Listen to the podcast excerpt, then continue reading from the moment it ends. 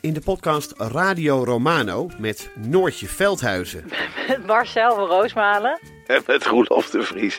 brengen we alle drie elke week een zogenaamde signalering mee. Wat heb jij nou weer bij je? En aan het eind bepalen we wie de winnaar van de week is. Echt een angstcultuur Lege huls die je er bent? Ja, dat gaat eigenlijk altijd onvriendelijk. Luister nu naar Radio Romano bij Podimo. Via podimo.nl slash Radio Romano luister je 30 dagen gratis. De strijd om de miljoenen van Siewert van Liende is losgebarsten. Zowel de staat als zijn stichting eisen de mondkapjeswinst terug. Maar dat die opbrengst in ieder geval niet thuis hoort bij Van Liende, daarover kan toch eigenlijk geen twijfel bestaan. Hoe kon het zo ver komen? Dit is het. We hebben beet. En als Siewert het geld teruggeeft, kunnen wij dit schandaal dan eindelijk loslaten? Je hoort het in de Mondkapjesmiljonairs, exclusief bij Podimo. Ga naar podimo.nl slash mondkapjes.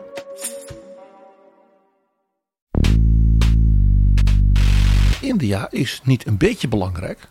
India is heel erg belangrijk. Dit is Betrouwbare Bronnen met Jaap Jansen.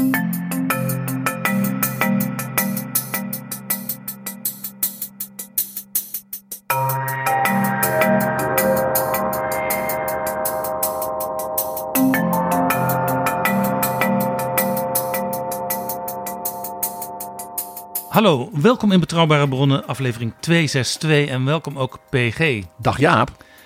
PG, de wereldpolitiek verkeert in een stroomversnelling. De oorlog van Rusland met Oekraïne heeft eigenlijk alles op zijn kop gezet. Eén land, daar horen we in Nederland niet zoveel van, dat is India.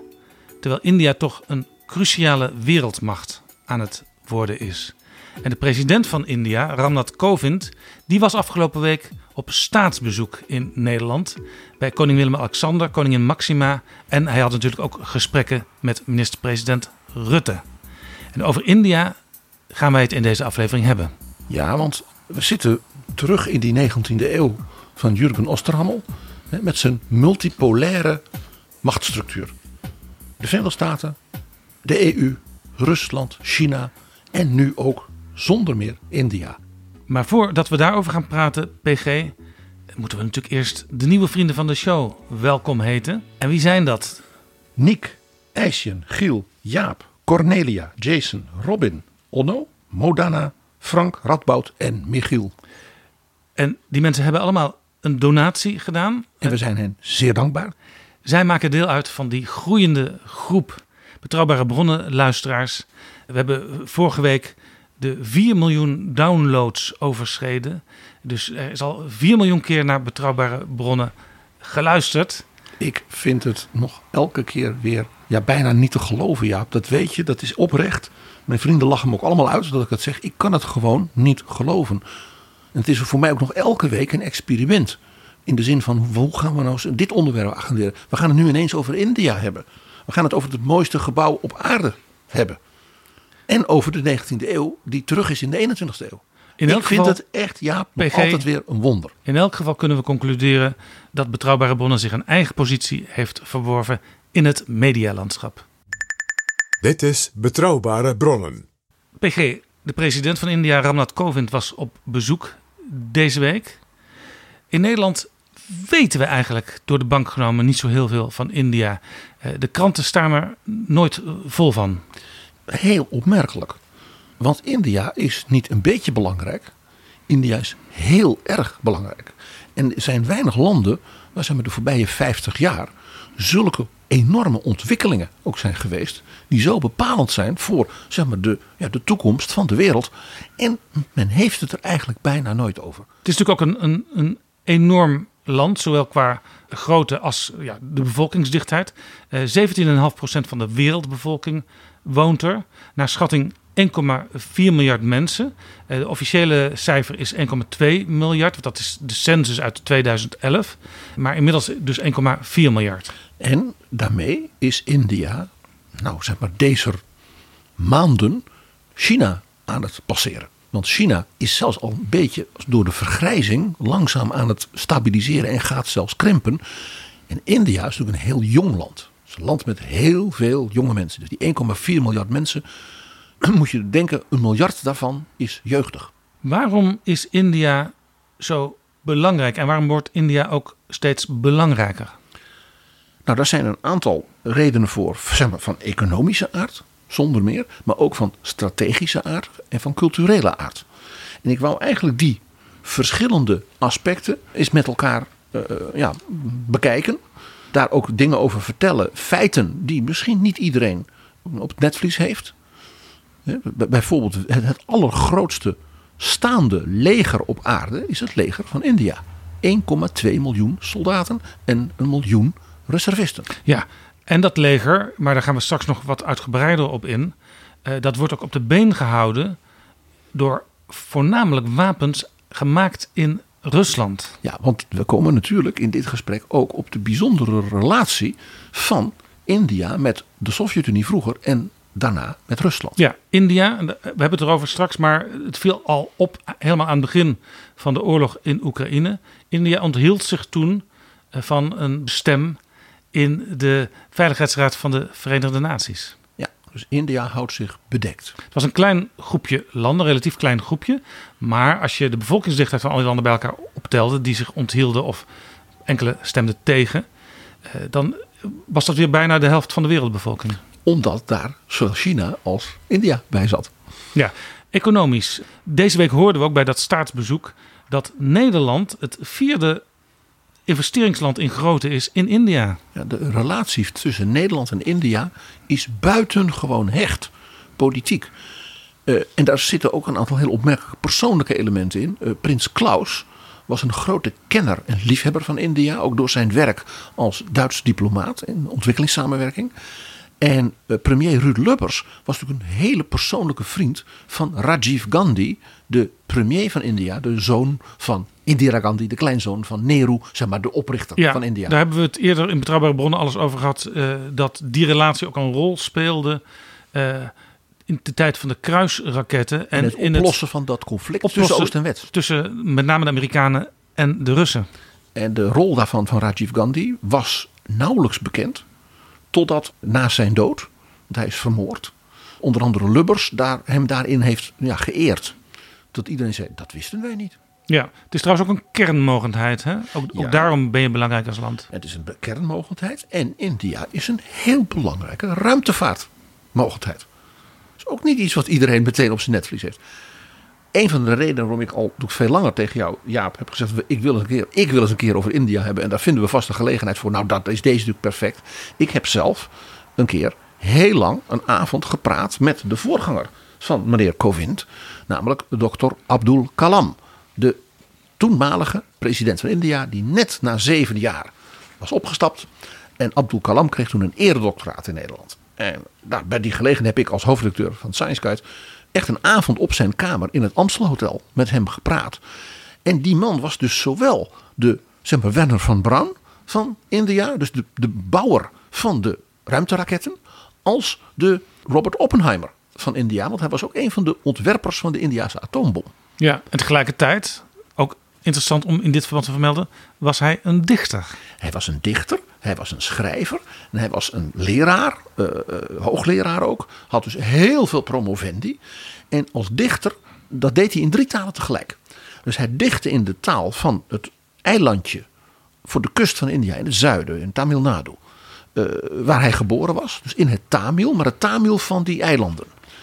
Dan vertaalde hij dat gedicht meteen in het Hindi, dus de, zeg maar, de gemeenschappelijke taal van India, en in het Engels, de taal die sowieso ook de gemeenschappelijke taal van heel India is. En die publiceerde hij dan tegelijkertijd, die bundels. Ja, en toen hij halverwege de 70 was, toen, toen eindigde zijn presidentschap. En maar toen is hij meteen ook weer een een website en een nieuwsbrief uh, op gaan zetten. En die heette Billion Beats. En dat was eh, naar de 1 miljard hartslagen. Van de eh, jeugd van India. ja. Want hij zei, de harten van de Indiase jeugd, die slaan voor de toekomst. En ik wil die jongeren, zolang ik nog leef als oud-president en als leraar, enorm aanmoedigen. Dus die website van hem en die nieuwsbrief, dat was alleen maar, zeg maar goed nieuws over wat jonge mensen in India bedachten. Kunstenaars, technici, onderwijzeressen. Uh, je kon zo gek niet bedenken. En dan ging hij met die mensen ook op bezoek. Hij reisde dus het hele land door. Hij is ook overleden terwijl hij een groep jongeren aan een universiteit toesprak. Toen kreeg hij een herseninfarct en is, dat, is toen dood neergevallen. En Abdul Kalam was ook altijd bezig met de toekomst. Hij zei ook in dat gesprek met jou: een land zonder visie zal sterven. A nation without vision will die. En dat doet mij weer denken aan de Bijbel, ooit door Joop den Uyl aangehaald bij de regeringsverklaring van het kabinet Den Uyl. Waar visie ontbreekt, komt het volk om. Dat komt uit het Oude Testament. En Abdul Kalam was een hele gelovige. Hij was van een, zeg maar, een kleine minderheid in de islam. Sterk uh, zeg maar, verbonden met de Persische en de Soefi variant van de islam. En dat was dus ook heel bijzonder. Dat dus deze geleerde, iemand van een hele zeg maar, mystieke religieuze minderheid, dus staatshoofd werd van dat grootste land op aarde. Ja, en de huidige president Ramnath Kovind, die is partijgenoot van de man die we misschien wat beter kennen, Narendra Modi, de premier. En uh, die partij, de Bharatiya Janata Partij. BGP. dat is een partij die uh, eigenlijk voor het eerst aan de macht is gekomen uh, nadat de congrespartij in India bijna altijd de leidende partij was. Ja, de BGP van Modi, die worden genoemd Hindoe-nationalisten vanuit het idee dat ze zeggen: ja, het Hindoeïsme is toch als het ware dat staat voor India. Uh, en dat betekent dus niet dat moslims, christenen en Parsi en Sikhs het niet mogen bestaan in India. Maar in zekere zin zijn ze een, een beetje tweede rangs burgers. Dus er zijn daardoor vaak uh, ook religieuze spanningen en ook conflicten. Dat onderwerp van die spanningen, daar wil ik het ook over hebben, want ik heb daar uit het verleden van India een heel bijzonder verhaal over. En in dat opzicht was dus Abdul Kalam als ja, staatshoofd en als inspirator van met name de jeugd. Dus iemand van een duidelijk andere politieke lijn. Want hij was juist heel erg van de verzoening en inspiratie. En nou ja, ook letterlijk de ruimte. India moest het universum veroveren met zijn jonge mensen en zijn talenten. Ja, dus je kunt wel zeggen dat deze president en deze premier eh, met hun partij ook wel weerstand eh, opwekken in hun eigen land. De verkiezingen zijn als het met de opkomst van de BGP in India ontzettend veel spannender geworden. Want die verkiezingen, dat zijn altijd enorme knokpartijen, ook letterlijk soms. Tussen andere partijen, vaak aangevoerd door de congrespartij nog steeds. Maar uh, ja, de congrespartij heeft het nadeel gehad dat ze een beetje een soort dynastieke partij werden. Doordat de familie Nehru en daarna de dochter Indira Gandhi en haar zoon en dan haar kleinzoon en de, de weduwe van Rajiv Gandhi Sonja Gandhi, een Italiaanse mevrouw, eh, dat die dus allemaal de partijleiding bleven houden. Dus dat werd een beetje een soort dynastie. Waardoor ze dus hun politieke vernieuwende kant van die congrespartij verloren ging. Ja, je zou kunnen zeggen in, in Europa, in Nederland proberen regeringen eh, op alle niveaus diversiteit te bevorderen. Maar India is natuurlijk uh, divers in zichzelf, dus daar hoef je het niet te bevorderen. Maar daar heb je dus wel spanningen soms tussen de verschillende groepen. Nou ja, India is natuurlijk een, ja, dat is geen land. India is een werelddeel. Een continent. Ook qua oppervlakte, maar ook qua bevolking. En qua ja, rijkdom van bevolking en culturen. Je hebt, er, je hebt dus eh, in Ladakh, in het noorden van Kashmir, waar ik geweest ben. Daar heb je dus een compleet Tibetaans koninkrijk. Waar dus de vorsten in de vrouwelijke lijn, dus moeder op dochter. Want zo was dat in het Tibet van voor de Dalai Lama. Dus dat wordt nog geregeerd en bestuurd zoals het Tibet nog van voor de Dalai Lama's in de vroege middeleeuwen. Dat, heb, dat is een deel van India. En je hebt natuurlijk miljoenenstad als Kolkata en Mumbai. En je hebt natuurlijk grootse paleizen en, en oude steden uit de middeleeuwen in, in Rajasthan.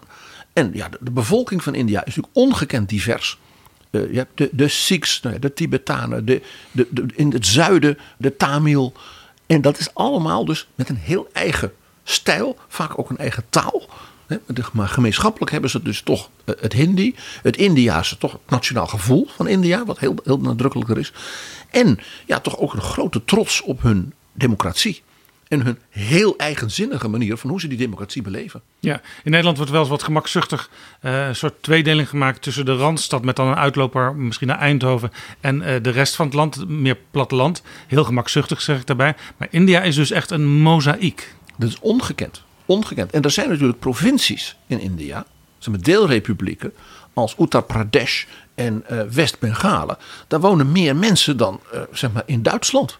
Uttar Pradesh heeft geloof ik 120 miljoen inwoners. Ja, en India heeft natuurlijk ook altijd eh, grote spanningen met Pakistan, wat, wat samen ook één land ooit was. Ja, dat was natuurlijk Brits-Indië. Was natuurlijk Bangladesh. India, Pakistan en, en, en, ook nog de randgebieden. Hè, dus eh, Bhutan en Sikkim, die kleine eh, staatjes in de Himalaya. Eh, ja, die zijn natuurlijk beide onafhankelijk uit elkaar gegaan. Waarbij Pakistan dus een nadrukkelijk nationalistische en ook militaristische islamitische republiek werd. Hè, waar Bangladesh zich uiteindelijk heeft afgescheiden. Want Bangladesh hoorde bij Pakistan, want was ook dominant islamitisch. Alleen Bangladesh heeft zich ontwikkeld meer à la India in een meer democratische uh, structuur. In Pakistan is natuurlijk gewoon altijd een, ja, in feite een militair bewind geweest. Ja, ik kom wel eens Indiërs in andere landen tegen. En die zijn altijd heel trots op waar ze vandaan komen. Maar zijn vaak ook wel blij dat ze werk hebben in een ander land. Bijvoorbeeld in Singapore sprak ik eens een taxichauffeur. want dan konden ze een beetje ontsnappen aan dat kastensysteem. Ja, dat kastensysteem, dat is een echt Europees ding. Dat wij daar het altijd over hebben. Dat is namelijk iets van de Hindoes. De moslims, de christenen, de Parsi, de Sikhs kennen geen kasten. Dat is een Hindoe verschijnsel uit nou ja, de diepe, diepe oudheid. Uh, en is een, ja, een soort familiestructuren. Je bent van een bepaalde kaste omdat je ja, de, de zoon of de dochter bent van iemand uit die kasten. Dus ik ben op dat punt altijd wat, wat voorzichtig dat wij als Europeanen dat. Wij denken dat dat iets van India is. Nee, dat is iets van de Hindoe-traditie. En het Hindoeïsme is natuurlijk de dominante godsdienst in India, in dat reusachtige land, is zeg maar 80% van de mensen is Hindoe, maar 20% is dus van alles, maar niet Hindoe. PG, Nederland is dus de uh, vierde investeerder in India. Dat is dus voor India een belangrijk land. Die president gaat dus naar een van hun belangrijkste partners. Ja. Dat rare kleine Holland. En het is des te, des te opmerkelijk eigenlijk als je inderdaad het kleine Nederland naast dat hele grote India zet. Ik bedoel, Nederland kan gewoon ronddraaien in Mumbai. Zal ik maar zeggen. Ja, wij, of kunnen, in, in wij kunnen leven van één zo'n stad. Ja, dan heb je heel Nederland. Ja. Uh, we zijn natuurlijk ook nog ja, klein in oppervlakte. Maar ik bedoel ook zelfs bijna wat, wat we met zo'n stad al aan handel hebben. Ja, ja inderdaad. Uh, India is bovendien voor Nederland dus ook buitengewoon interessant en belangrijk als partner. Want uh, ja, het is niet alleen een reusachtig land, maar het heeft ook een enorme economische potentie. Dus als je als Nederland daar dus vroeg bij bent, en je wordt gewaardeerd als partner, dan is dat voor de komende 100, 200 jaar voor de Nederlandse welvaart van essentiële betekenis. Kan niet genoeg benadrukt worden. Als ik je vertel, de groei van India dit jaar, 2022, is 9% economisch. Dat is dus alleen te vergelijken met zeg maar, de jaren van de wederopbouw in Nederland bij de industrialisatie zeg maar, in de jaren 50, begin jaren 60. Ja, hadden wij maar zo'n groei denk ik dan met die enorme inflatie van dit moment. Nou ja, dus India heeft ook vaak inflatie. De, de, de monetair is India minder stabiel dan bijvoorbeeld uh, de EU. Dus, dus ook daar kijken ze dus heel veel naar. Er, wordt dus heel, er is heel veel kennisuitwisseling. Ja, ja. Ook tussen Nederland, Europa en India. Ja, interessant ook, uh, uh, want ik noemde al uh, Rusland als belangrijke partner van India. Die hebben heel lang in dollars met elkaar gehandeld. Dat, dat geeft al iets aan over die monetaire zwakte. Ja, omdat de roepie, de Indiase munt, dus vaak uh, ja, devalueerde. Er was hoge inflatie. En de Russen ja, die hadden liever een stevige munt, zoals de dollar of de euro, dan hun eigen roebel. Dat is natuurlijk in de huidige situatie weer uitermate pikant. Ja, ja, ja nu willen ze natuurlijk dat we in, vanuit het Westen in roebels handelen, omdat ze uh, roebels tekort komen, omdat er geen ander geld binnenkomt. Ja, en, ze, en die roebels hebben ze nodig voor de bevolking. En die roebels moeten wij dan als Europeanen kopen van de Russische Centrale Bank. Tegen een te hoog tarief. Dus, hè, dus mevrouw Lagarde moet dan naar Moskou, hè, bijna letterlijk, en zeggen: geef even zoveel roebel, hè, druk even roebels voor ons en die kopen wij dan met die mooie harde euro's van ons. Ja, geen wonder dat met name de Duitse minister van Financiën, Christian Lindner, als eerste zei: dat gaan wij niet doen. Ja, maar zelfs dus. De altijd maar, zo voorzichtige ja. Duitsers, want hier speelt natuurlijk de klassieke harde D-mark, de Bundesbank en de ECB in Frankfurt een rol. Ja, India groot land, sterke en groeiende economie. Uh, maar ze hebben dus heel lang nog in dollars met, zelfs met Rusland gehandeld. Ja, nou om je een idee te geven hoe groot en belangrijk de economie is. India is natuurlijk een high-tech gigant op de wereldmarkt. Zowel in India zelf als het grote geheim natuurlijk van de Indiase economie en welvaart. En dat is hun diaspora. Er is een hele grote Indiase bevolking. Overal elders in de wereld. En met name in de absolute hotspots van technologie, RD, hoger onderwijs, universiteiten en dat soort dingen. Silicon Valley, Oxford, Eindhoven heeft natuurlijk een hele grote Indiase gemeenschap. En die mensen vormen als het ware de brug voor India naar de topplekken elders in de wereld. En hun kennis wordt dus als het ware ook in India weer benut voor het ontwikkelen van nieuwe technologie, nieuwe activiteiten. Eh, en zo, hè, zoals pro- professor Kalam dus ook de Indiase ruimtevaart ontwikkelde. Ja. Doordat hij als jonge jongen was uitgeleend door zijn universiteit en het ministerie van Luchtvaart van India, want dat is, dat is dat natuurlijk, aan de NASA. En die heeft dus een twee jaar of drie bij de NASA gestudeerd. En is toen naar India teruggekomen en ging dus de Indiase ruimteraketten bouwen.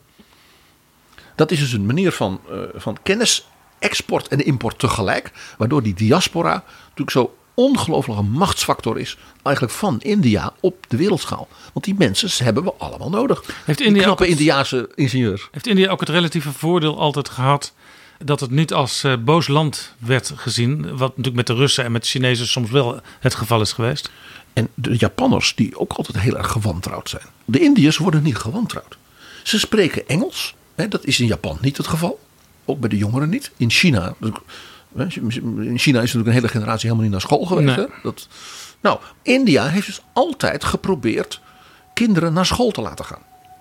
Dat is echt iets, ook een beetje van de Britten ook wel. Maar vooral ook van, van, natuurlijk van Nehru en eh, zijn nazaten. Ieder Indiaas kind, hoe arm ook, moet naar school. Jongens en meisjes. Ja, dus iedereen spreekt ook vloeiend Engels. Dat is ook een enorme plus op de wereldmarkt. Voor onderzoekers, voor ingenieurs, ja, voor eh, eh, kunstenaars. Ze kunnen in het Engels communiceren met iedereen en ook met thuis. Dus die diaspora is dus een enorm netwerk in feite dat de wereld omspant van hele slimme mensen met een democratische opvoeding, ja, ook qua cultuur, eh, in omgang met elkaar. Wat ook in China en Japan niet het geval is, laten we gewoon niet mee zeggen, en in Rusland zeker niet. En ze spreken ook nog allemaal Engels. Dus dat is een, een ongekende soft power die India heeft. BG, even tussendoor Japan en democratie. Jij zegt daar iets over dat, dat, dat ze daar nog niet zo heel veel positieve ervaring mee hebben. Nee, want ik bedoel, Japan heeft geen klassieke democratische cultuur. Japan is ook een sterk feodaal land. Ook nu nog. Ja, ja, op die manier. Op die manier. Maar goed, eh, we, we beschouwen het wel als een democratie. Jazeker, want er zijn vrije verkiezingen, dat is er allemaal. Maar de, de, de politieke cultuur is nog sterk feodaal. En die is dus in India veel beter ontwikkeld. Omdat India door die enorme diversiteit. De, de, de, de, plaatselijke politiek van Orissa, van Tamil Nadu, van de gemeentebestuur van Mumbai. Ja, dan heb je het over een land nou ja, als Frankrijk. Of als Spanje of Italië, zo groot. Dus, dus ook de lokale en regionale cultuur in India. Die dus democratisch is. Dat is dus één grote ja, eh, bijenkorf die maar bust, bust, bust in India. Daarom is de Indiase politiek ook zo verschrikkelijk interessant. Ja. Alleen ja, wij volgen dat allemaal niet zo. Want wij En- denken dat ze allemaal arm zijn en zielig. En dat dan één partij, de congrespartij, eh, jarenlang aan de macht is geweest. Dat, dat kun je dan ook wel misschien wel vergelijken met Nederland, waar het CDA heel lang aan de macht is geweest. De, de, de, de, de familie Nehru, dat is, zijn de Lubbersen, hè, zullen we maar zeggen. Of de, de Donners. Dus India is dus een, een gigant als het gaat in high-tech en technologie. En twee, het is natuurlijk ook een enorm agrarisch land.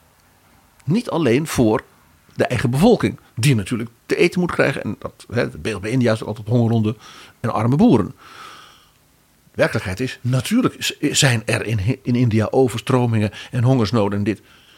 Het is ook zo'n verschrikkelijk groot land. Ja, dat, dat, ja. Ik, ik, bedoel, ik doe daar niet wegwerpend over. Maar feitelijk is, zijn er ook delen van India waar het dan op datzelfde moment enorm bloeit. En Ja. er een geweldige oogst is. Want het is zo groot.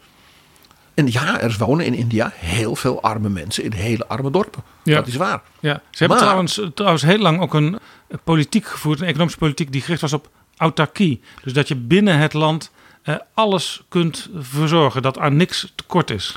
En daarbij speelde dat men bevreesd was, dat, was de, eh, dat de, de ongelijkheid in India zou toenemen.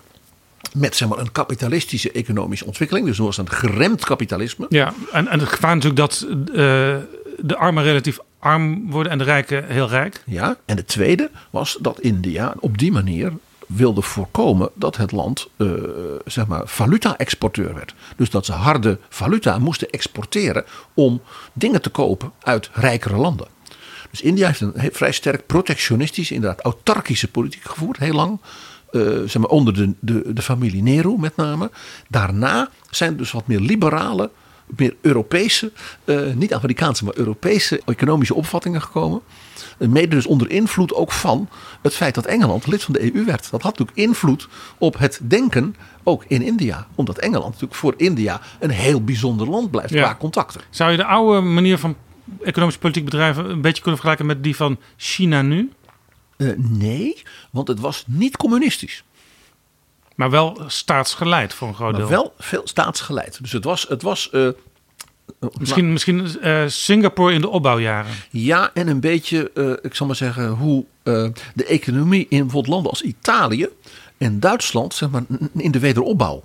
Dus veel staatsbedrijven, staatsinvesteringen, staatsmijnen hebben wij ook gehad.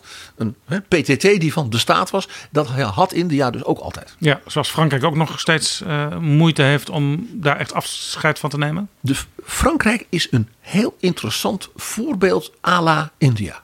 Inderdaad. En met hetzelfde probleem, namelijk inflatie, waardoor de Franse franc ook al door zakte. Waarom Mitterrand zei: Ik wil de D-mark hebben en die noemen we de euro.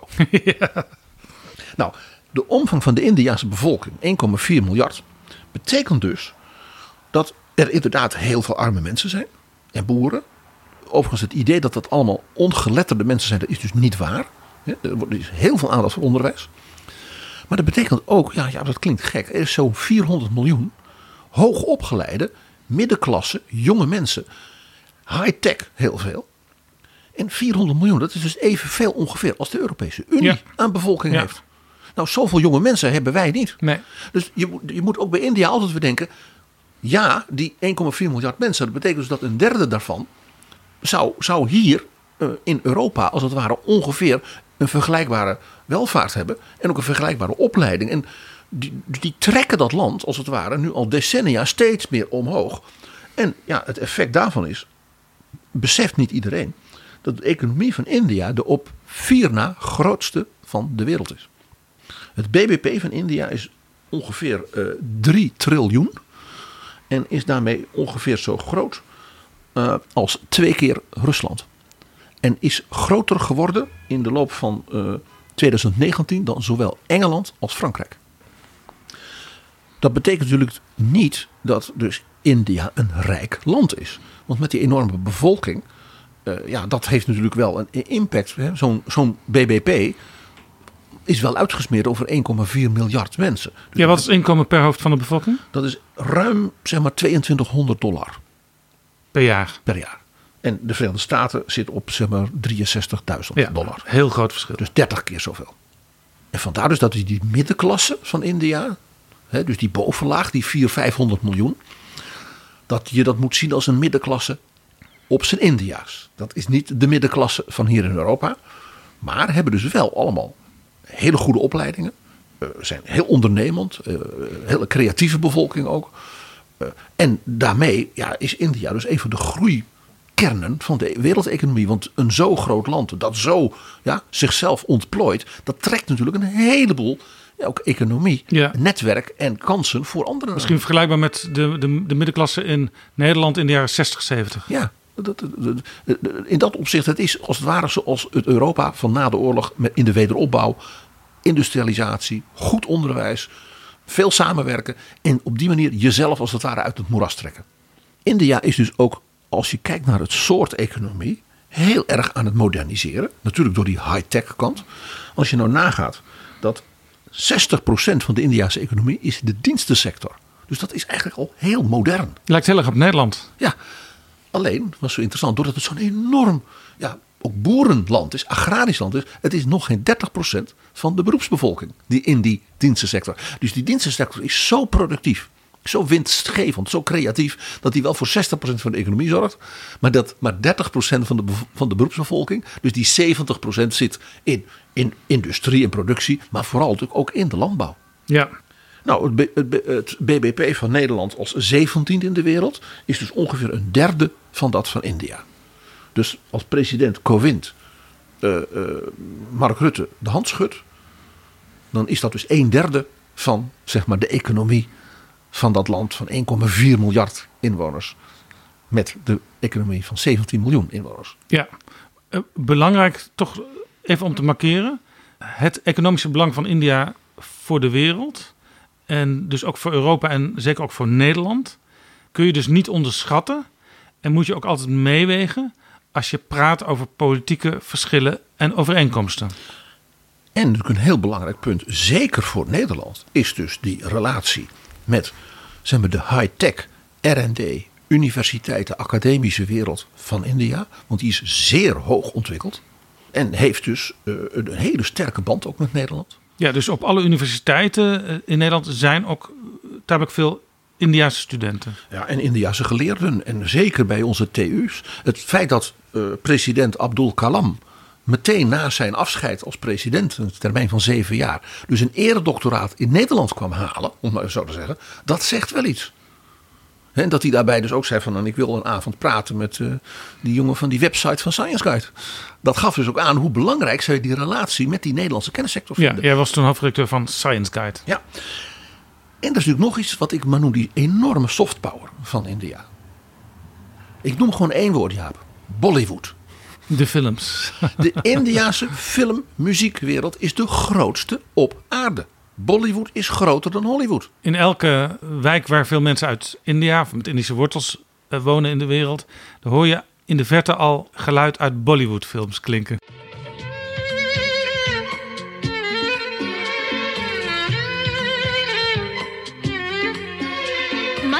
मत करो मुझसे इतनी मोहब्बत देव बहुत तड़पोगे बेवजह तकलीफ होगी तुम्हें आखिर ऐसा क्या है मुझ में क्या है मुझ में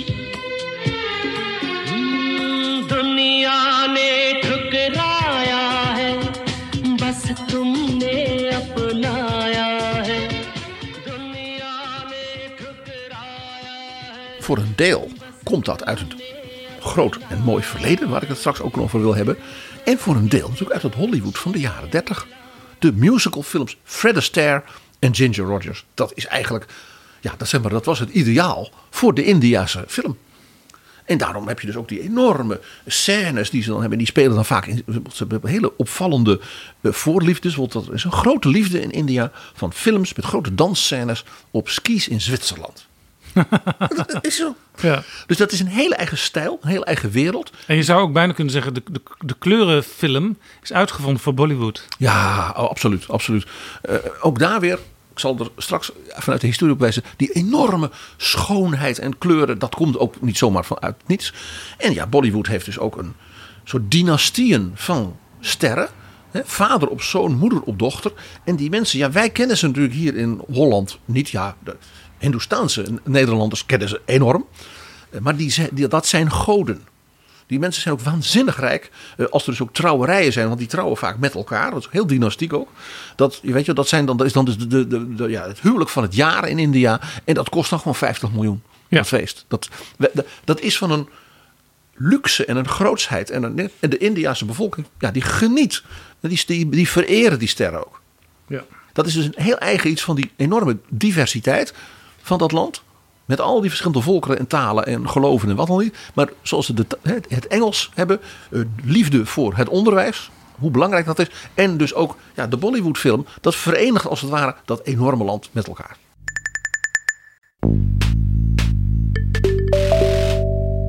Dit is Betrouwbare Bronnen. Een podcast met betrouwbare bronnen. PG, de oorlog in Oekraïne duurt voort. India onthield zich van stemming in de Verenigde Naties. India is overigens ook lid op dit moment van de Veiligheidsraad. Samen met de vaste leden Rusland en China. En minister Lavrov van Buitenlandse Zaken van Rusland. Die was een dikke week geleden op bezoek in India. De president te waarschuwen voor die Hollanders, denk ik. en die zei: Ja, we kunnen samen heel veel moois doen, ook in die Veiligheidsraad. En daar hebben we ook heel veel plannen voor. En hij zei ook, hij loofde eigenlijk India eh, op de persconferentie eh, bij dat bezoek. Hij zei: Ja, de, de buitenlandse politiek van India is onafhankelijk. dan lees je dus, dus ook een. Ze hebben dus niet zoveel te maken met die Amerikanen en de Europeanen en zo. En ze laten zich ook niet verleiden door, door blackmail. Ze laten zich niet chanteren. Dan denk ik altijd van, waarom gebruikt zo'n Russische minister dat woord blackmail? Heeft hij daar dan misschien ervaring mee? Maar goed. Nou ja, je, weet, ze zeggen altijd, eh, eh, geloof niets totdat het Kremlin het ontkent. Hè? Ja. Ja. Ehm, maar goed, de Russen waren dus blij dat dat grote land in ieder geval eh, niet actief tegen ze was. eh, Nadat ze Oekraïne waren binnengevallen. En er is ook wel een reden voor. India zal ook wel een beetje hebben nagedacht. Ja, wat moeten we nou doen tegen zo'n resolutie in de Verenigde Naties stemmen? Eh, dat, dat is ook weer zo wat. We kunnen ons wel onthouden van stemming. 85% van eh, het wapentuig in India is gemaakt in Rusland. Ja, want India was militair een bondgenoot van de Sovjet-Unie. En daar kwam dat Indiase leger is natuurlijk verschrikkelijk groot. Dus de Sovjet-Unie kon voor zijn militaire industrie dus heel veel spul afzetten in India. Ja, ze zijn zelfs de grootste klant van de Russen met 23% van alle wapens eh, die er in Rusland gemaakt worden. En het interessante is, wat kopen de mensen in, de Indiase regering? Die kopen vooral hardware. Slimme dingen maken ze zelf. Want daar zijn ze heel goed in. Denk ook aan de ruimteraketten. Die hebben ze niet van de Russen. Die maken ze zelf. Heel interessant, want ik heb ook gehoord dat de Chinezen in het verleden ook veel wapens in Rusland gekocht hebben. Maar ondertussen die wapens inhoudelijk gingen verbeteren. Dus eigenlijk precies hetzelfde.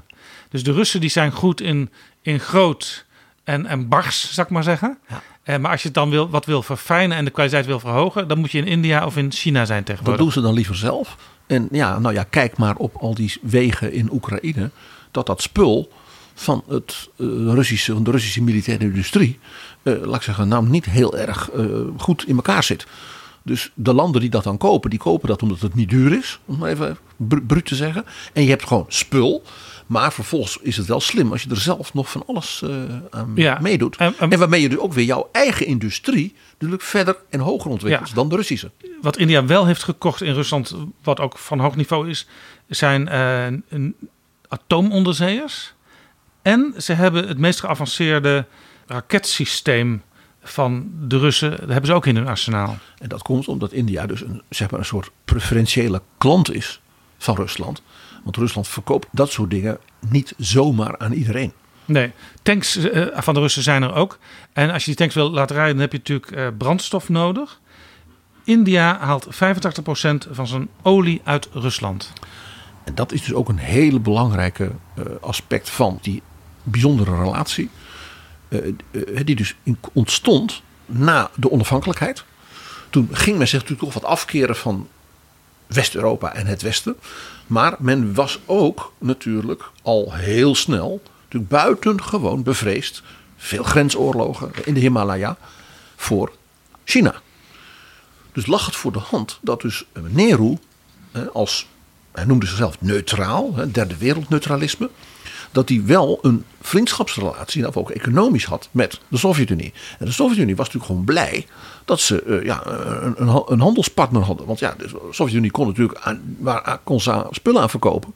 Ja, aan China, maar nou ja, we hebben het er al eens over gehad. Al in de jaren 50 ging dat fout, die relatie. Nou ja, de rest van Oost-Europa, ja, daar werd Rusland ook niet rijk van. Ja. Dat waren vazallen. Dus India was daardoor een hele fijne, belangrijke partner voor. En India heeft ook heel veel gehad aan die politieke samenwerking met de Russen. Want de Russen die hebben er altijd voor gezorgd, eh, dankzij hun veto in de Veiligheidsraad van de Verenigde Naties, dat als er wat was met India waar de rest van de wereld van dacht, ja, dan moeten we ze toch eens even op de vinger gaan tikken. Eh, dan zei Rusland gewoon niet. En vanaf 1957 is er eigenlijk nooit meer iets gebeurd in die Veiligheidsraad waar India last van had. Er is nog wel één klein dingetje in de internationale relaties van India waar de Russen en ook en zeker ook de Chinezen eh, niet blij mee zijn. En dat is dat India eh, lid is geworden van Quad. Dat is die, zeg maar, die meer Indische NAVO eh, van de Verenigde Staten, Japan en Australië en dus ook India. De beroemde nieuwe Indo-Pacific Alliantie. Ja, en dat onderstreept dus ook, want die is eigenlijk gericht op de, om de groei van de, militaire en, wereldpolitieke groei van de Chinezen wat in te dammen. Ja, dat daar een rechtstreeks conflict met China ook aan ten grondslag ligt. En dat toont dus aan dat de lange termijn strategie van India is veranderd. Mede natuurlijk door de neergang van de Sovjet-Unie en de val van de muur. Eh, want in die tijd begon natuurlijk ook de grote zeg maar, high-tech technologische ontwikkeling van India. En ja, dan had je dus niet veel aan Moskou. Nee. Even zo te zeggen. Nee. En er was nog een tweede punt. Eh, China werd natuurlijk steeds machtiger. Ten koste van, zeg maar, de oude Sovjet-Unie. En werd dus een steeds grotere bedreiging, rivaal van eh, India. En we hebben het er al een keer over gehad. Dat de oude Mao Zedong al tegen Nixon en Kissinger. Ja, en ook Zhou Enlai voortdurend begon over India. Als gevaar. Waarbij eh, met name Nixon, die een afkeer had van India, van, van mevrouw Gandhi, dat helemaal niet begreep. Want die zei: die mensen zijn arm, ze kunnen niks. Eh, eh, Prutsers vond hij die Indiërs.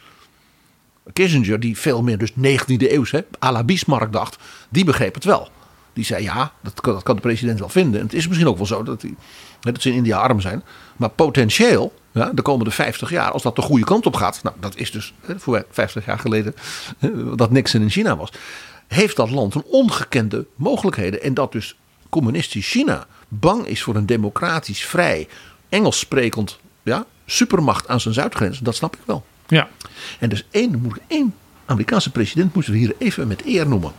En dat is een president die niet zo heel vaak met eer wordt genoemd in Europa. Dat is namelijk George W. Bush. Oh ja. George W. Bush heeft na 9-11 eh, als het ware gezegd: India hoort bij de democratische wereld. En India hoort bij de landen waar, waar zeggen van, godsdienstvrijheid, eh, waar moslims niet worden onderdrukt. eh, en waar dus ook ruim, ruimdenkendheid is. En was natuurlijk heel slim. India is natuurlijk de grote vijand, politiek, militair, van Pakistan. En Pakistan was natuurlijk de beschermheer van Al-Qaeda. Ja, dus, in Afghanistan. Dus er was ook een gezamenlijk belang. India was dus de grote financier, bondgenoot en wat dan niet van Hamid Karzai, die president van Afghanistan. Afghanistan is dus ook door de geschiedenis een vriend van India. En daarmee had men natuurlijk Pakistan als het ware een beetje in de klem. Ja. Dus Bush ha- had dat dus heel goed door. Nou, mensen als Bob Gates en Condoleezza Rice die konden hem dat natuurlijk haarfijn uitleggen. Dat Amerika zich moest openen naar India.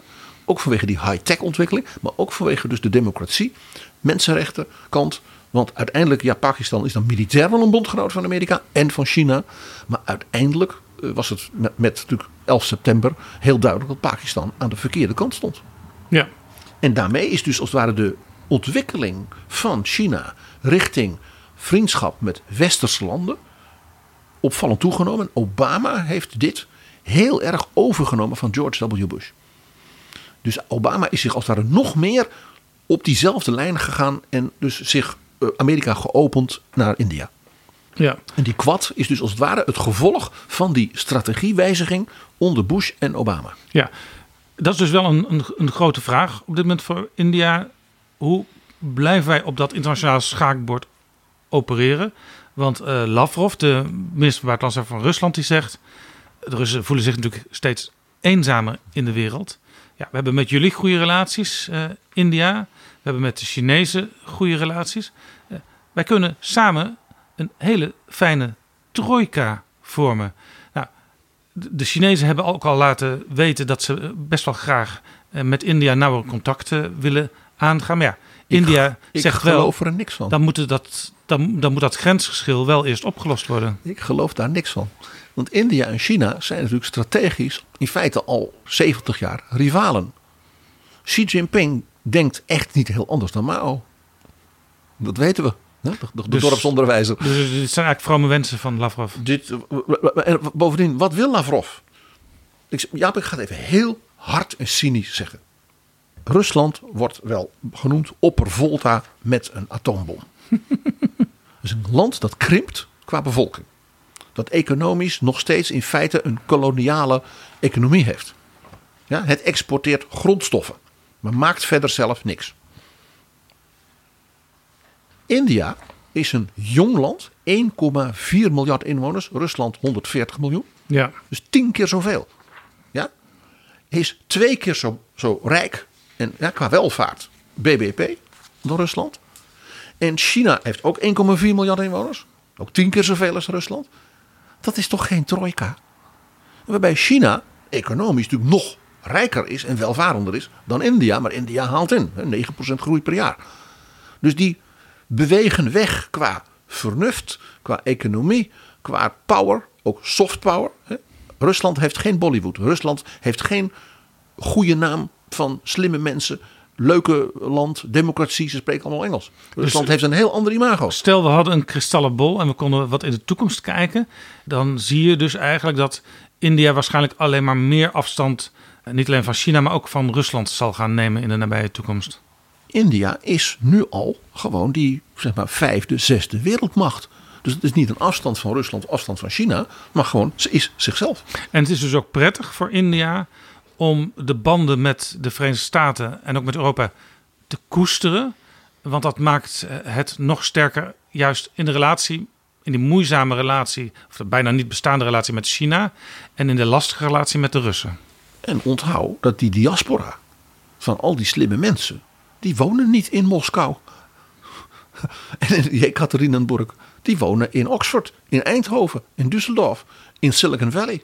Ja, overigens, eh, India heeft niet veel relatie met Oekraïne. Eh, maar toen de oorlog uitbrak, zaten daar wel 20.000 studenten uit India. Dat zegt dus genoeg, want Oekraïne is een enorm techniek, eh, univers, technisch universiteitenland. Nog uit de Sovjet-tijd. De ruimteraketten van de Sovjet-Unie werden gemaakt in Oekraïne. Dus dat zijn heel veel, zeg maar, nou ja, studenten van eh, die Abd- Abdul Kalam's raketten verder hebben, hebben gebouwd. De bijzondere band van India met bijvoorbeeld ook Nederland en andere landen en dus de EU is uit één dingetje heel fijntjes gebleken. Toen Theresa May op bezoek was bij premier Modi na Brexit, toen zei ze: Wij gaan natuurlijk als broedervolkeren van de gemeente best een prachtig vrijhandelsakkoord sluiten. Om te bewijzen dat Brexit een succes was. Maar premier Modi zei: Mevrouw May, wat een ontzettend goed idee. Dan hebben wij onlangs een, met meneer Juncker een vrijhandelsakkoord getekend. Ja, meneer Jonker van de EU. En mevrouw Kroes, hè, die kennen wij ook heel goed uit Holland. En eh, dat is een prachtig vrijhandelsakkoord. Als u dat nou gewoon kopieert, dan gebruiken we dat ook voor met het Verenigd Koninkrijk op één uitzondering na. Want wij hebben in dat akkoord met de Europeanen, waar u toen nog bij zat, eh, natuurlijk afspraken gemaakt over al die ontzettende slimme Indiase meisjes en jongens die in Europa kunnen studeren. En onze onderzoekers en onze R&D. Dat is ongelooflijk belangrijk voor India. Dus wij willen dan, vanwege dus die broedervolk die wij toch zijn uit de Commonwealth, een volledig vrij verkeer van personen tussen India en Engeland. dus, hè, we gaan onze grenzen bewaken, hè, take back control. Dan zijn Modi van, dat heeft u verspeeld toen u uit de EU ging.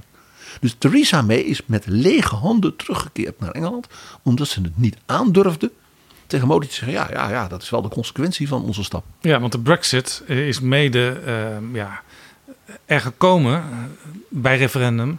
Eh, doordat veel Britten eh, niet al die mensen eh, uit andere landen zomaar het land binnen wilden laten. Met name mensen uit Polen. Maar ja, in India is natuurlijk ook een land waar ze al best veel mensen van hebben. Je weet hoe ze in Engeland eh allochtonen noemen: Pakis. Ook al komen ze uit Gujarat, of al komen ze uit India uit. of Bangladesh. Dat, ja. Dus, en meneer Modi, dacht je dat meneer Modi dat niet wist? Tuurlijk wist hij dat. Die zet er Theresa mee gewoon het mes op de keel Zij hiermee. keek lelijk op haar neus. Ja. En dat geeft dus aan hoe belangrijk voor India dus die relatie met de EU is. En dus ook met Nederland, wat dus in India vanuit de EU zo'n ongelooflijk belangrijke partner is. Ja, dus de, de, de Groot-Brittannië, wat zich zo graag ziet als global player, werd hier gepleed. Eh, Dat zeg je heel netjes.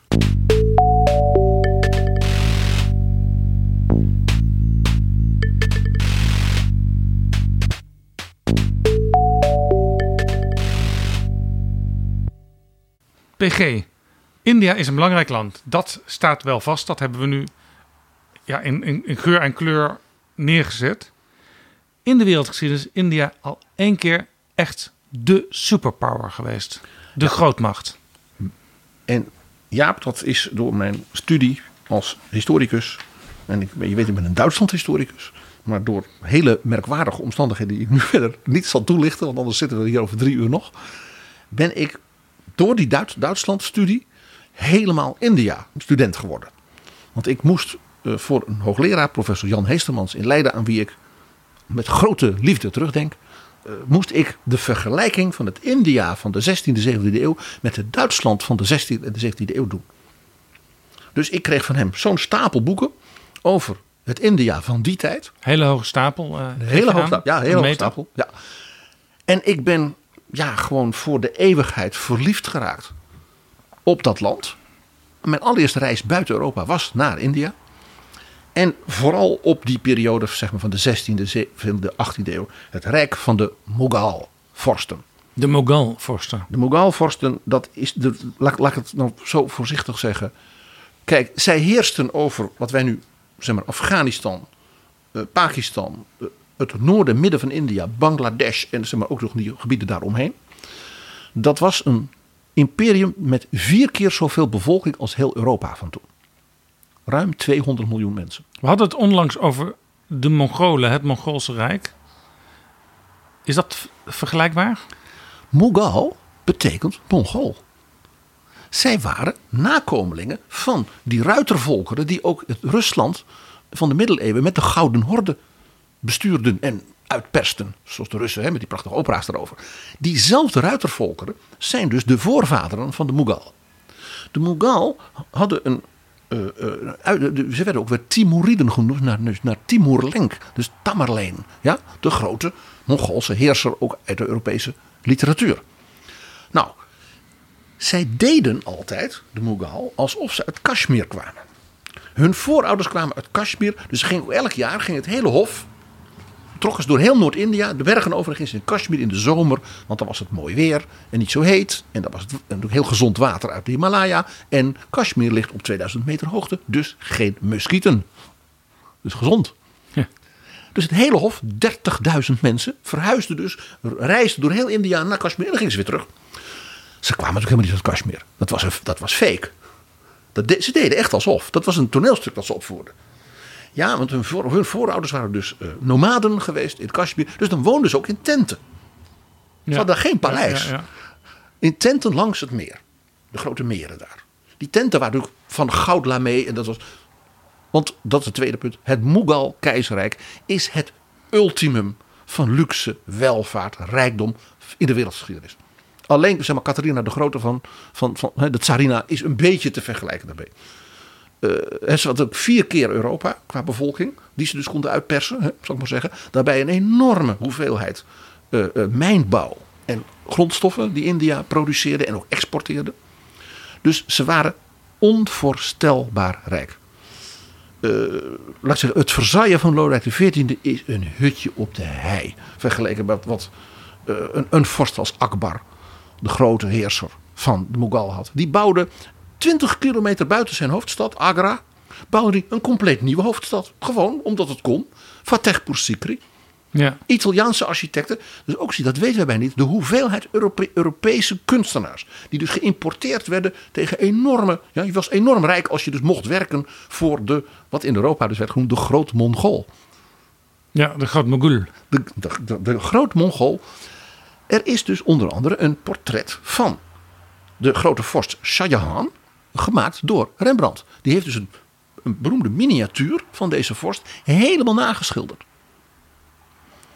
De Mughal-vorsten, met name Shah importeerden uit de Nederlanden twee di- dingen. Naast allerlei andere dingen, maar twee dingen. Dat moest de VOC altijd meenemen. Damast, voor de vrouwen. Dus de, de allermooiste textiel. Nou, als je nagaat hoe mooi de textiel van India zelf is. De zijde en wat nog niet. Dat ze dan toch zeggen, "Eh, wij willen damast uit Holland. En de tweede, ratersjaap, wat ze importeerden. Schilderijtjes. Landschapsschilderijtjes. Want het waren natuurlijk vrome moslims. Dus ook belangrijk, de Mughal-vorsten waren vrome moslims. Dus afbeeldingen van mensen mochten eigenlijk niet.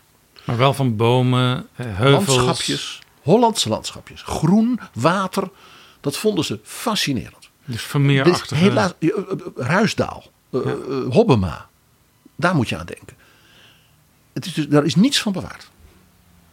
Maar het kan haast niet anders dan dat eh, de vrouw van Shah Jahan, een ongelofelijke vrouw, Mumtaz Mahal, Dat betekent parel van het paleis, zo heette de keizerin dus. Die dus die damast zo mooi vond. Het kan bijna niet anders, heb ik altijd het idee, dat zij zo'n Ruisdaal portret van de blekerijen van Haarlem. Dan zie je dus de Bavo daarachter en dan zie je op de grond, ja, bij Bloemendaal, op de, in de duinen, die blekerijen voor de damast. Ja, dus die hingen niet alleen in de Hermitage in Petersburg, maar ook in het paleis in India. Ja, dat denk ik wel. Dat denk ik wel. De VOC had dus een hele inti- intieme band, ook met het hof van de Mughals. Dus om de zoveel jaar moesten ze dan de contracten verlengen. Dus dan gingen ze met een enorme kudde eh, ja, olifanten en kamelen met geschenken. We hebben dus van een van die eh, eh, gezanten een keer, daar is een soort dagboek van bewaard. Die dan ook vertelt over zijn bezoek. En daar wil ik straks iets over vertellen. En dan zei hij dus dat hij, ik heb weer vele handen moeten wassen. De corruptie was natuurlijk enorm in zo'n in zo'n Ja, ja, groot ja. Ja, ja. Dus er werden ook wat biljetten, ik weet niet hoe dat toen ging, maar die werden onderhands ook doorgeschoven. De titel van de Mughal-vorsten van de 16e, 17e, 18e eeuw was Shah Shahin Shah. Dat was dus de koning der koningen. Uit het Persisch. Want behalve dus de, het imago dat ze dus uit dat prachtige Kashmir kwamen, die tenten, wat natuurlijk niet waar was. Ze kwamen gewoon uit Afghanistan, Oezbekistan, dat gebied. Dus het Mongoolse Rijk. Ze deden ook alsof ze Persisch waren. Dus de taal, de cultuur en alles was Persisch. Was dat zeg maar wat eh, voor Europeanen lang het Frans is geweest? Ja, en dat Italië van de Renaissance. Het ultieme van de schoonheid, van de kunst, de decoraties, de architectuur.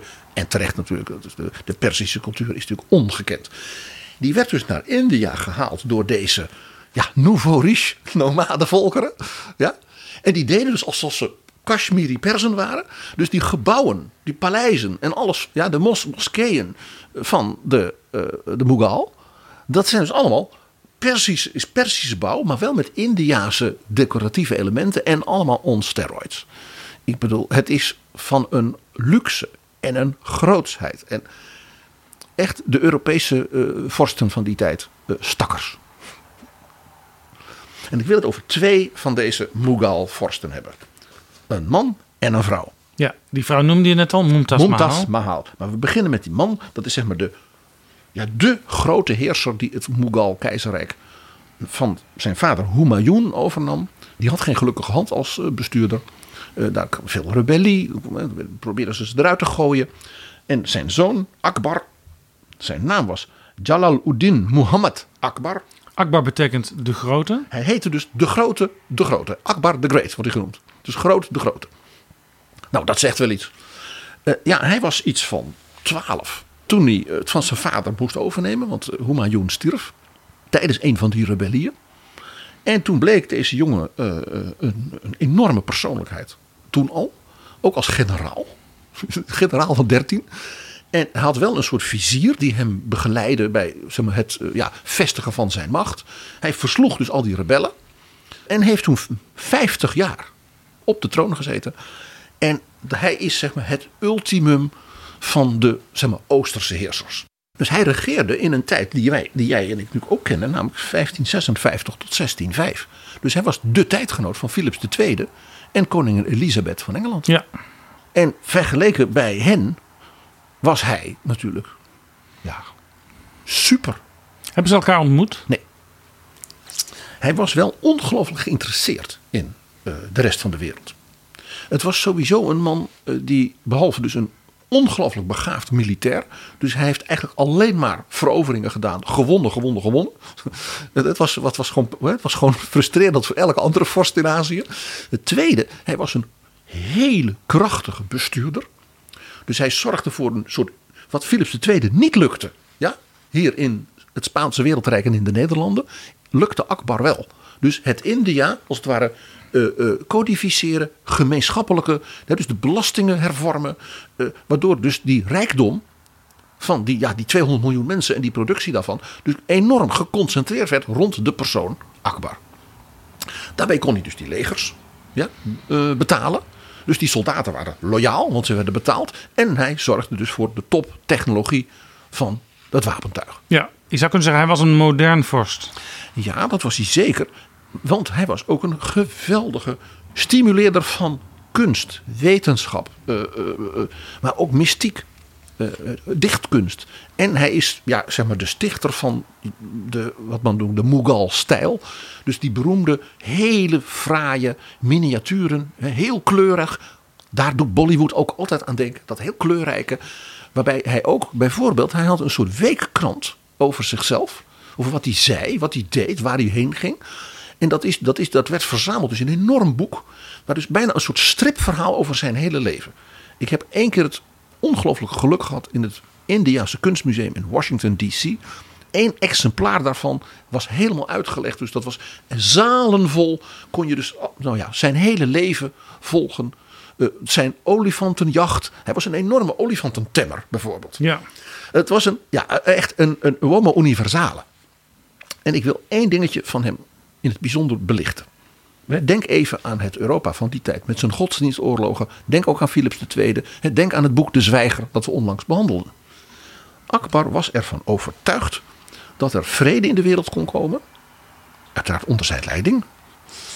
Dat was natuurlijk wel een persoonlijkheid. Als alle godsdiensten nou hun gemeenschappelijke kenmerken weer bij elkaar brachten. Ook onder zijn leiding.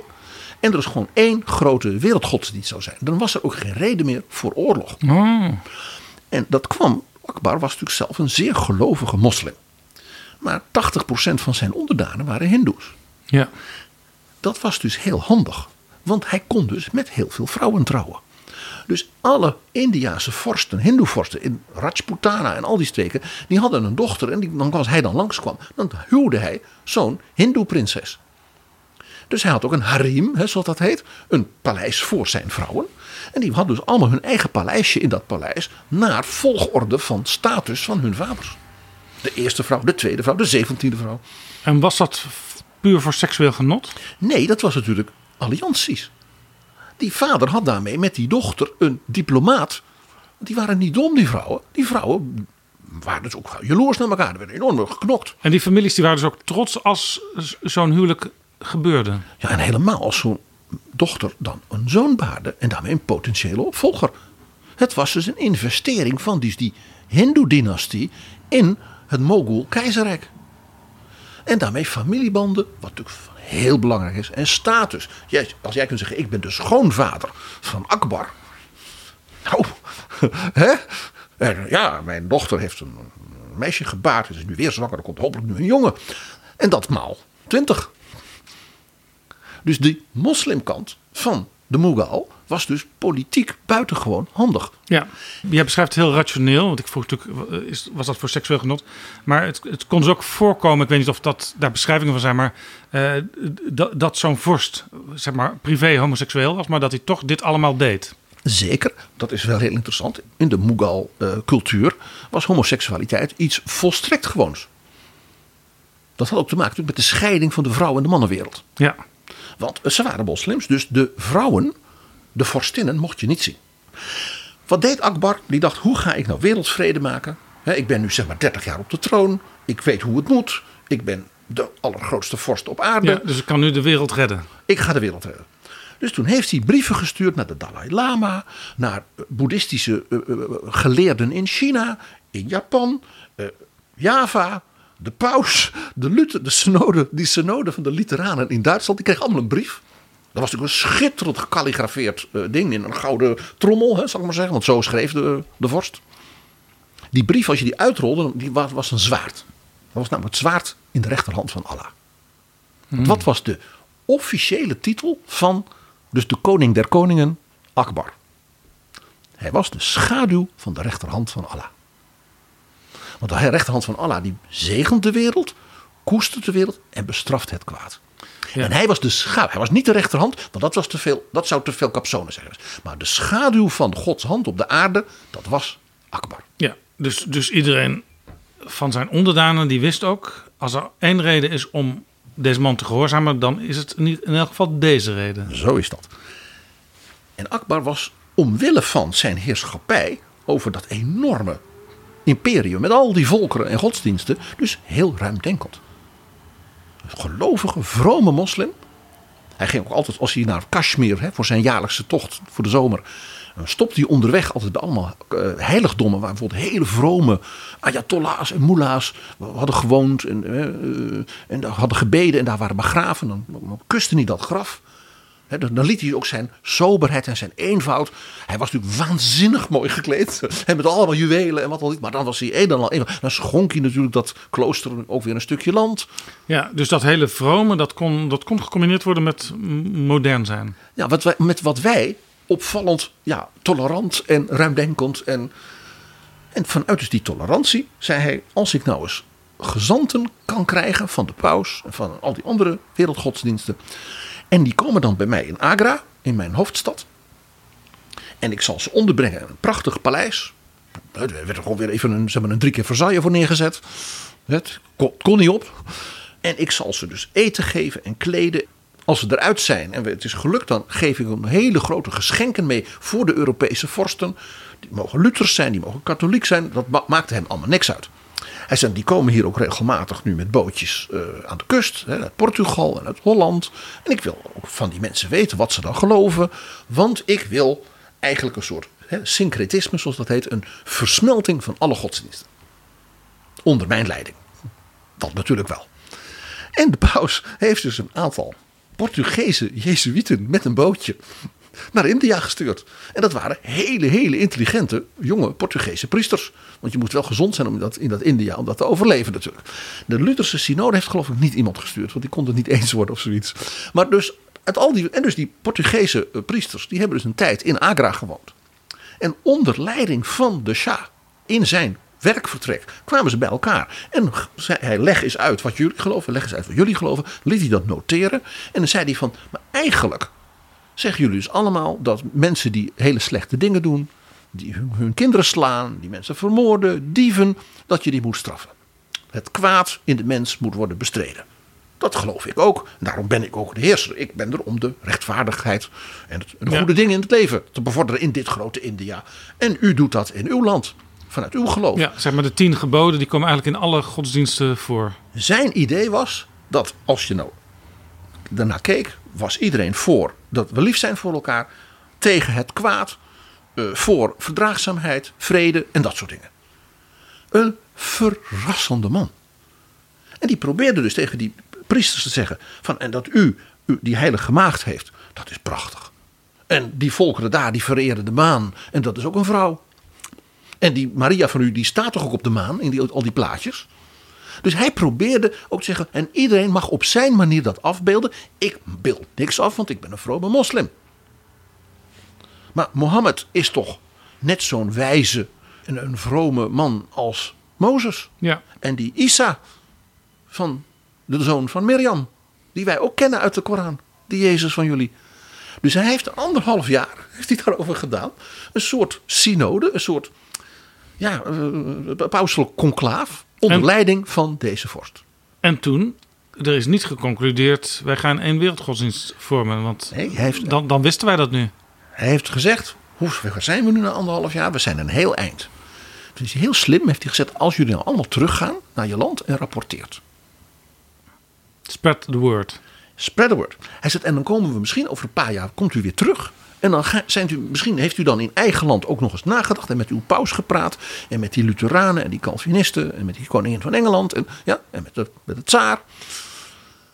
En dan komen we misschien toch weer nog een paar stapjes verder. Want hij begreep ook, want dat doe je niet even. Die man dacht dus ook in, ja, in decennia. En dat verrast, verrast niet als je nagaat wat voor vorst en wat voor heerser hij was. Dit is Betrouwbare Bronnen. PG, je wilde het tot slot ook nog hebben over Mumtaz Mahal. Ja. Zij kwam na Akbar.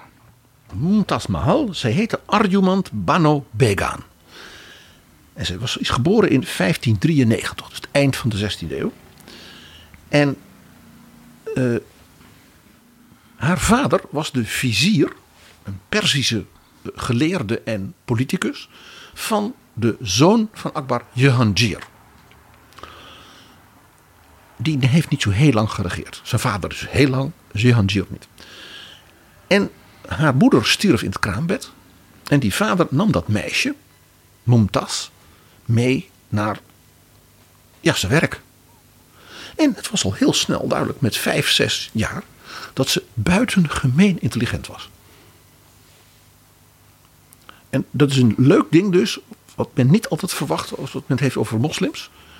De vrouwen in de dynastie van de Mughal, ook allemaal heel vroom natuurlijk, maar vrouwen werden bevorderd. Vrouwen, intelligente vrouwen kregen een kans, zoals dat heet. Dus zij, ging, zij, zij begeleidde haar vader bij dus vorst Jehangir. Daarbij kwam dat die getrouwd was met een keizerin. En dat werd haar rolmodel, want dat was ook een hele intelligente vrouw die haar man echt als partner in het regeren begeleidde. En zoals dat dan gebeurt, eh, met een jaar of dertien, werd zij verliefd op prins Khurram. En prins Khurram was de kroonprins. En die was stapelverliefd op haar. Jaap, het verhaal van deze prins, Khurram en Mumtaz. Hij werd later als koning, weet hij, Jahan, Shah Jahan. Is een van de grote liefdesverhalen, een van de mooiste liefdesverhalen in de wereldgeschiedenis. Want zij was precies wat hij als vorst zeg maar nodig had. Ze was intelligent, ze was ijverig, ze was geconcentreerd. Ze had van haar vader natuurlijk een fantastische opleiding gehad in politiek, diplomatie uh, ja, en regeren. Hij was een goed militair, maar hield vooral heel veel van kunsten, wetenschap, versieren, feesten en partijen. Mag ik de kroniekschrijver van het Hof citeren, Mohammed Amin Kazwimi? De wederzijdse genegenheid en harmonie tussen de twee bereikte een niveau dat nooit eerder gezien was tussen een man en een vrouw uit de heersende klasse of onder andere mensen. En dit was niet uitsluitend seksuele passie. De uitstekende kwaliteiten, aangename manieren, uiterlijke en innerlijke deugden en de fysieke en geestelijke verenigbaarheid aan beide kanten gaven het paar een grote liefde en genegenheid en zeer grote affiniteit en vertrouwdheid. Mumtaz Mahal ging overal waar Shah Jahan heen ging, ook met het leger, mee. Ze was er altijd. Ze was zijn belangrijkste adviseur. En wij weten van die gezant van de VOC dat als hij dus handen ging wassen, hè, om dus weer voor drie jaar verlof te krijgen om via Soeratten uh, handel te drijven met, met de Nederlanden en met Indië, dat hij dan in de Diwan i Gas, dat was het reusachtige ontvangsthal in Agra, dat is er allemaal nog, ongelooflijk mooi en groot. Dan moest hij zich drie keer op zijn gezicht werpen. Op weg naar de divan, dus de divan, zoals het, daarom heet het woord divan, heet daarna. Daar lag dan de keizer en die wuifde er zo met zijn hand wegwezen, die Europeanen. Ja? Maar de manier waarop hij wuifde, moest je interpreteren of hij akkoord was met het voorstel of nog niet helemaal akkoord. ja, dus deed hij zo, en, ja, ja, of dan met zijn linkerhand of zijn rechterhand, al naar gelang. Hij sprak natuurlijk niet met die barbaren. Nou, dan moest hij dan de volgende dag opnieuw naar het paleis. En dan was hij bij, zeg maar, wij zouden zeggen, de, de commissie Economische Zaken van de regering van Shah Jahan. En daar stond een groot scherm. En achter dat scherm werden kuchjes gegeven en geluidjes gemaakt. Daar zat dus Mumtaz Mahal, de keizerin. Die zat in feite te souffleren. Nee, die besliste. Die regeerde. Dus die ambtenaren, ja, die praten dan met die Nederlanders. En zeiden, dus, ja, ik heb zoveel eh, schilderijtjes bij me. En honderd balen damast. En we willen graag uh, minder havenrechten moeten betalen. En we zullen wel meer belasting betalen. Zijn we toe bereid op die en die goederen die we importeren uit, uit, uit, uit Nederlands-Indië. En dan aan met geluidjes die zij dus gaf. Dan kwam, moest zo'n ambtenaar dus even achter het scherm. En dan stelden ze van, uh, nee, nee, nee, nee, nee, nee, nee, dat bedrag wil ik in één keer, niet in twee keer. Hè. Zij regeerden. En dat zat allemaal in dat hoofd. En hij kon feest vieren, want ja, uh, en met zijn legers optrekken en parades doen en, en kunstenaars blij maken. Ja, zij was de general manager van het land. Zij was de CEO van dat enorme imperium. Dus dit, dit echtpaar doet aan een ander echtpaar denken wat we nu onlangs hebben behandeld, Jaap.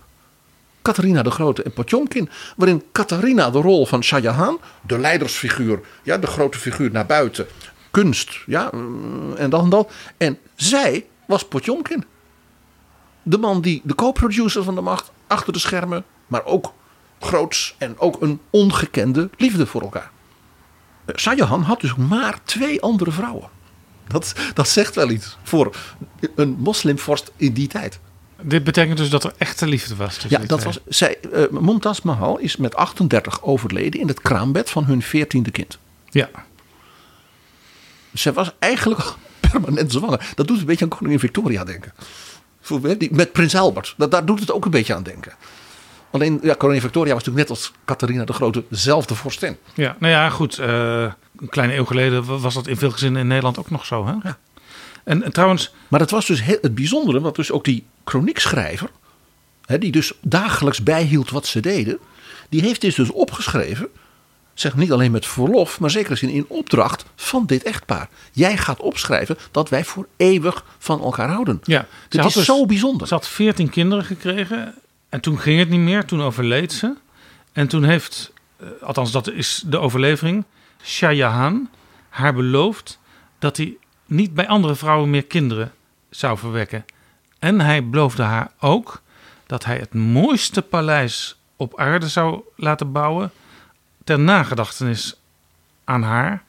En dat ging ook inderdaad gebeuren. Er kwam een mausoleum en daar is 17 jaar aan gebouwd. En dat is zonder enige twijfel. Ik, die eet van trouw, die leg ik hier af aan Mumtaz Mahal en Shah Jahan. Het mooiste gebouw op aarde. Dat is namelijk Taj Mahal.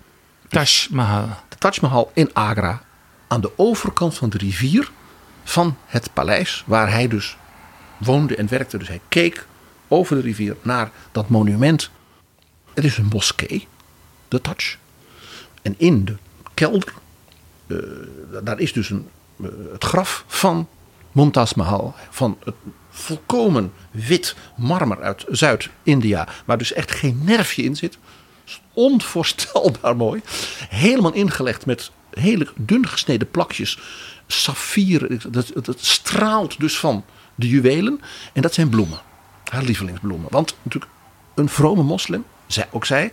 Dus geen afbeeldingen van levende wezens. Dus die binnenkant van de Taj Mahal is dus één groot. Ja, ook verbeelding van het paradijs waar ze nu is. Al die prachtige bloemen en, en, granaatappels. Het is één grote boomgaard als het ware in van marmer. En de buitenkant, en dat zijn dus al- allemaal gekalligrafeerde teksten. Dat zijn zeg maar de, eh, de gebeden in de Koran voor eh, je overleden vrouw. Dus zeer indrukwekkend. Het is natuurlijk, want het is de Mughal op zijn hoogtepunt. Dit was het absolute hoogtepunt van de Mughal tijd en kunst. Het gebouw is dus reusachtig groot. Dat zie je op foto's, als het ware. Zie je dat niet? Omdat het zo verfijnd van design is. Alles klopt eraan. Maar als je dichterbij komt, alleen al het podium waar het op staat is zo hoog dat je via een trap in dat podium omhoog moet en dan zie je de touch niet. Dus pas als je die trap opkomt en je staat op het podium, dan staat dus voor je dat reusachtige gebouw met dus die vrome gebeden. En dan ga, ga je naar binnen. Jaap, het is echt het allermooiste gebouw dat ik ooit heb gezien. Ik had vroeger, ik zal een jaar of vijf geweest zijn, een Viewmaster. En daarin zag ik de Taj Mahal. En dit is dus het allergrootste ja, liefdesbewijs in de wereldgeschiedenis en in de kunst. Dankjewel, PG. En nog één ding. Leven India. En Jaap, we kunnen natuurlijk deze aflevering niet afronden zonder een heerlijk stukje dansmuziek uit een heerlijke Bollywoodfilm. Dansmuziek.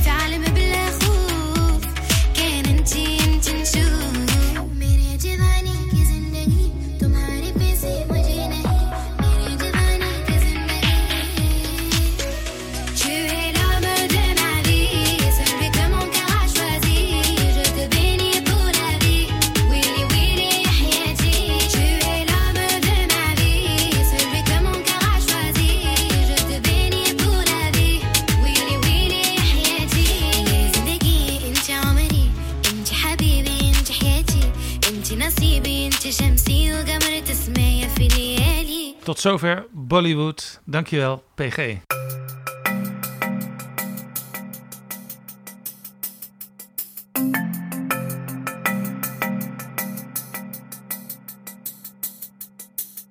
Zo, dit was Betrouwbare Bronnen, aflevering 262. Deze aflevering is mede mogelijk gemaakt door de vrienden van de show. Mensen die met een donatie nog veel meer afleveringen willen stimuleren van Betrouwbare Bronnen. Wil jij dat ook doen? Ga dan naar vriendvandeshow.nl/slash bb. Tot volgende keer. Betrouwbare bronnen wordt gemaakt door Jaap Jansen in samenwerking met dag en nacht.nl.